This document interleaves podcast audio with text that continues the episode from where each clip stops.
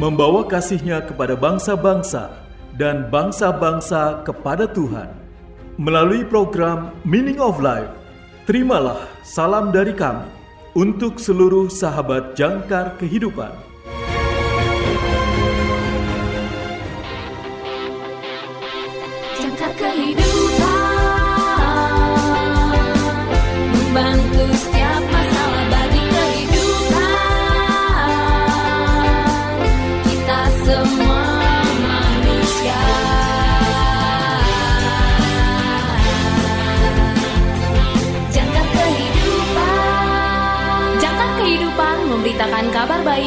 Kita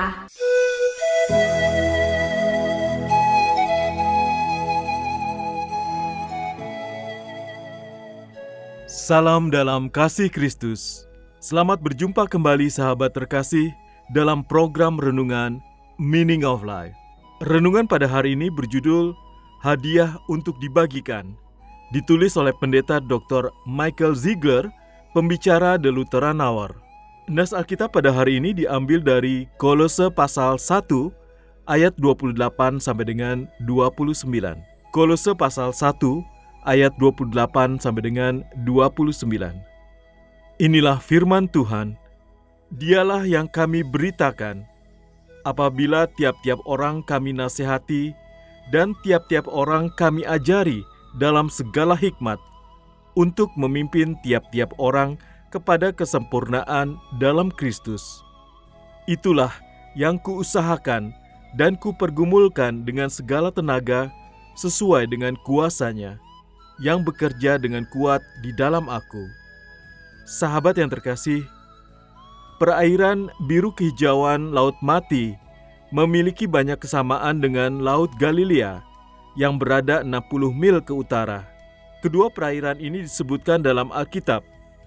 Keduanya disebut laut, tetapi sebenarnya adalah danau yang terkurung daratan. Dan keduanya diberi makan oleh sumber yang sama, yaitu Sungai Yordan. Kedua danau ini memiliki banyak kesamaan, tetapi ada satu perbedaan penting. Laut Galilea berbagi apa yang didapatnya, sementara Laut Mati tidak. Di Laut Galilea, air mengalir masuk dan keluar dan penuh dengan kehidupan, dengan banyaknya spesies ikan. Laut Galilea telah mendukung desa-desa nelayan dari generasi ke generasi. Tetapi dengan Laut Mati, air hanya mengalir masuk. Ia hanya mengambil pasokan air.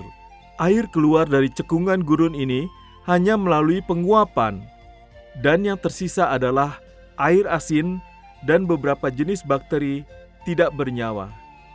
Anehnya, Alkitab menyajikan Laut Mati sebagai gambaran harapan. Nabi Yeskiel memberi kita penglihatan. Itu terjadi pada saat umat Allah merasa putus asa bait Allah di Yerusalem dihancurkan. Bangsa mereka tidak ada lagi. Tetapi Yeskiel melihat suatu waktu ketika Tuhan akan membangun sebuah bait suci yang baru. Dari sisi bangunan ini akan mengalir aliran air hidup. Sungai akan mengalir ke padang pasir dan memberi kehidupan, karena air ini mengalir ke sana. Demikianlah firman Tuhan, maka air laut akan kembali sembuh Lihat Yeskiel pasal 47 ayat 8 sampai dengan 9. Ratusan tahun kemudian, ketika Yesus mati di kayu salib, seorang prajurit menikam lambungnya dengan tombak, menyebabkan aliran darah dan air mengalir dari lambung Yesus. Lihat Yohanes pasal 19 ayat 34. Sebelumnya Yesus telah berkata, "Hancurkan bait suci ini dan dalam tiga hari aku akan membangunnya. Yohanes pasal 2 ayat 19b. Mereka berkata kepadanya, dibutuhkan waktu 46 tahun untuk membangun bait suci ini, dan engkau akan membangunnya dalam tiga hari. Yohanes pasal 2 ayat 20b. Yang mereka maksud adalah bait suci yang dibangun oleh tangan manusia, tetapi bait suci yang dibicarakan Yesus adalah tubuhnya. Dan setelah dia bangkit dari kematian, murid-muridnya mengingat kata-katanya dan mereka percaya kitab suci dan kata yang diucapkan Yesus. lihat Yohanes pasal 2 ayat 19 sampai dengan 22. Sahabat yang terkasih, Yesus adalah bait baru, penggenapan nubuatan Yeskiel, sumber air penyembuhan kita. Dia membaptis kita di dalam air itu. Sendiri, kita seperti laut mati, tak bernyawa, tak berpengharapan, mengambang di kolam hangat kebutuhan kita sendiri. Namun di dalam Yesus, kita menjadi seperti laut Galilea. Yesus memulihkan curahan iman kepada Allah dan kasih kepada sesama yang saudara dan saya butuhkan untuk benar-benar hidup. Dan sekarang, saudara memiliki rohnya mengalir melalui saudara. Saudara memiliki hadiah untuk dibagikan. Saudara dapat mengatakan seperti yang dikatakan Paulus dalam bacaan hari ini. Itulah yang kuusahakan dan kupergumulkan dengan segala tenaga sesuai dengan kuasanya, yang bekerja dengan kuat di dalam aku dan bahkan lautan kematian pun tidak bisa menghentikannya. Sahabat yang terkasih, marilah kita bersatu dalam doa. Tuhan Yesus, curahkan roh kudusmu ke dalam diriku, agar aliran air hidup mengalir dari hatiku sesuai dengan janjimu. Amin.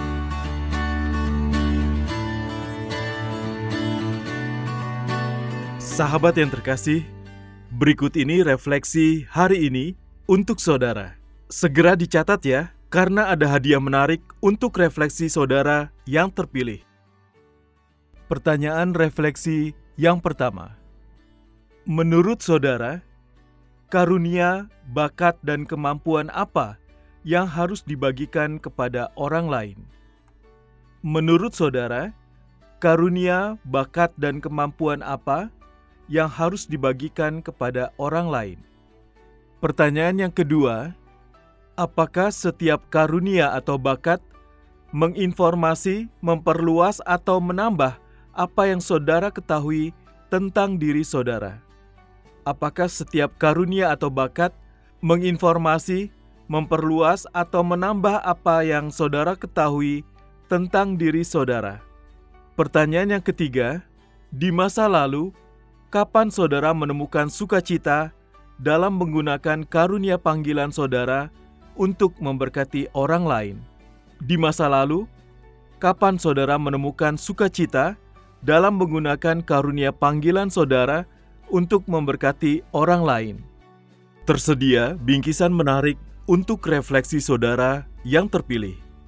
Atau jika saudara memiliki kesaksian terkait dengan renungan hari ini, Kirimkan jawaban refleksi dan kesaksian saudara melalui nomor WA atau WhatsApp kami di 0853 1056 8008 0853 1056 8008 atau di plus 62 853 1056 8008 plus 62 853 1056 8008 untuk saudara yang tinggal di luar Indonesia.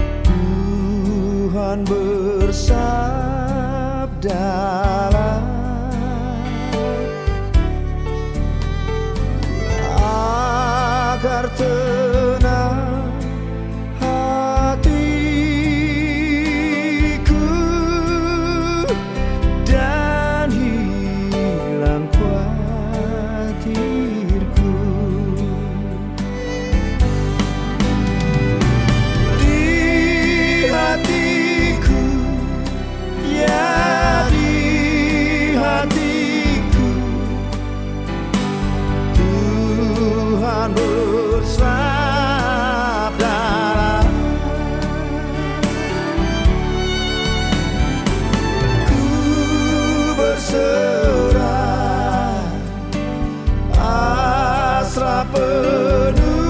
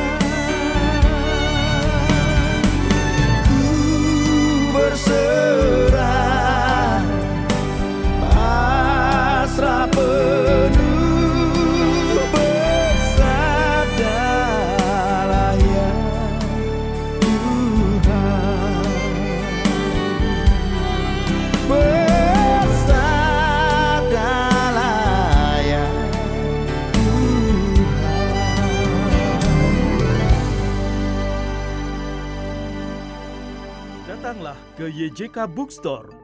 Dapatkan diskon hingga 50% untuk tahun ini. Juga menyediakan segala kebutuhan sekolah minggu dan ibadah, Alkitab anak dan dewasa, dan lain sebagainya. YJK Bookstore, Jalan Sunan Sedayu, Rawamangun, Jakarta Timur. Telepon 021 296 88 445 021 296 88 445. YJK Bookstore didukung oleh Lembaga Alkitab Indonesia atau LAI, Penerbit Andi, BPK Gunung Mulia, Yayasan Obor, RPK Jakarta, dan Heartline Network.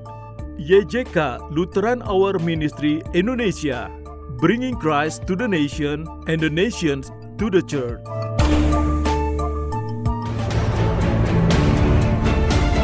Terima kasih saudara sudah mendengarkan program Meaning of Life. Persembahan Yayasan Jangkar Kehidupan. Jika saudara membutuhkan dukungan doa, silakan hubungi kami, Yayasan Jangkar Kehidupan, di nomor 0853 1056 8008 0853 1056 8008 Tuhan Yesus memberkati.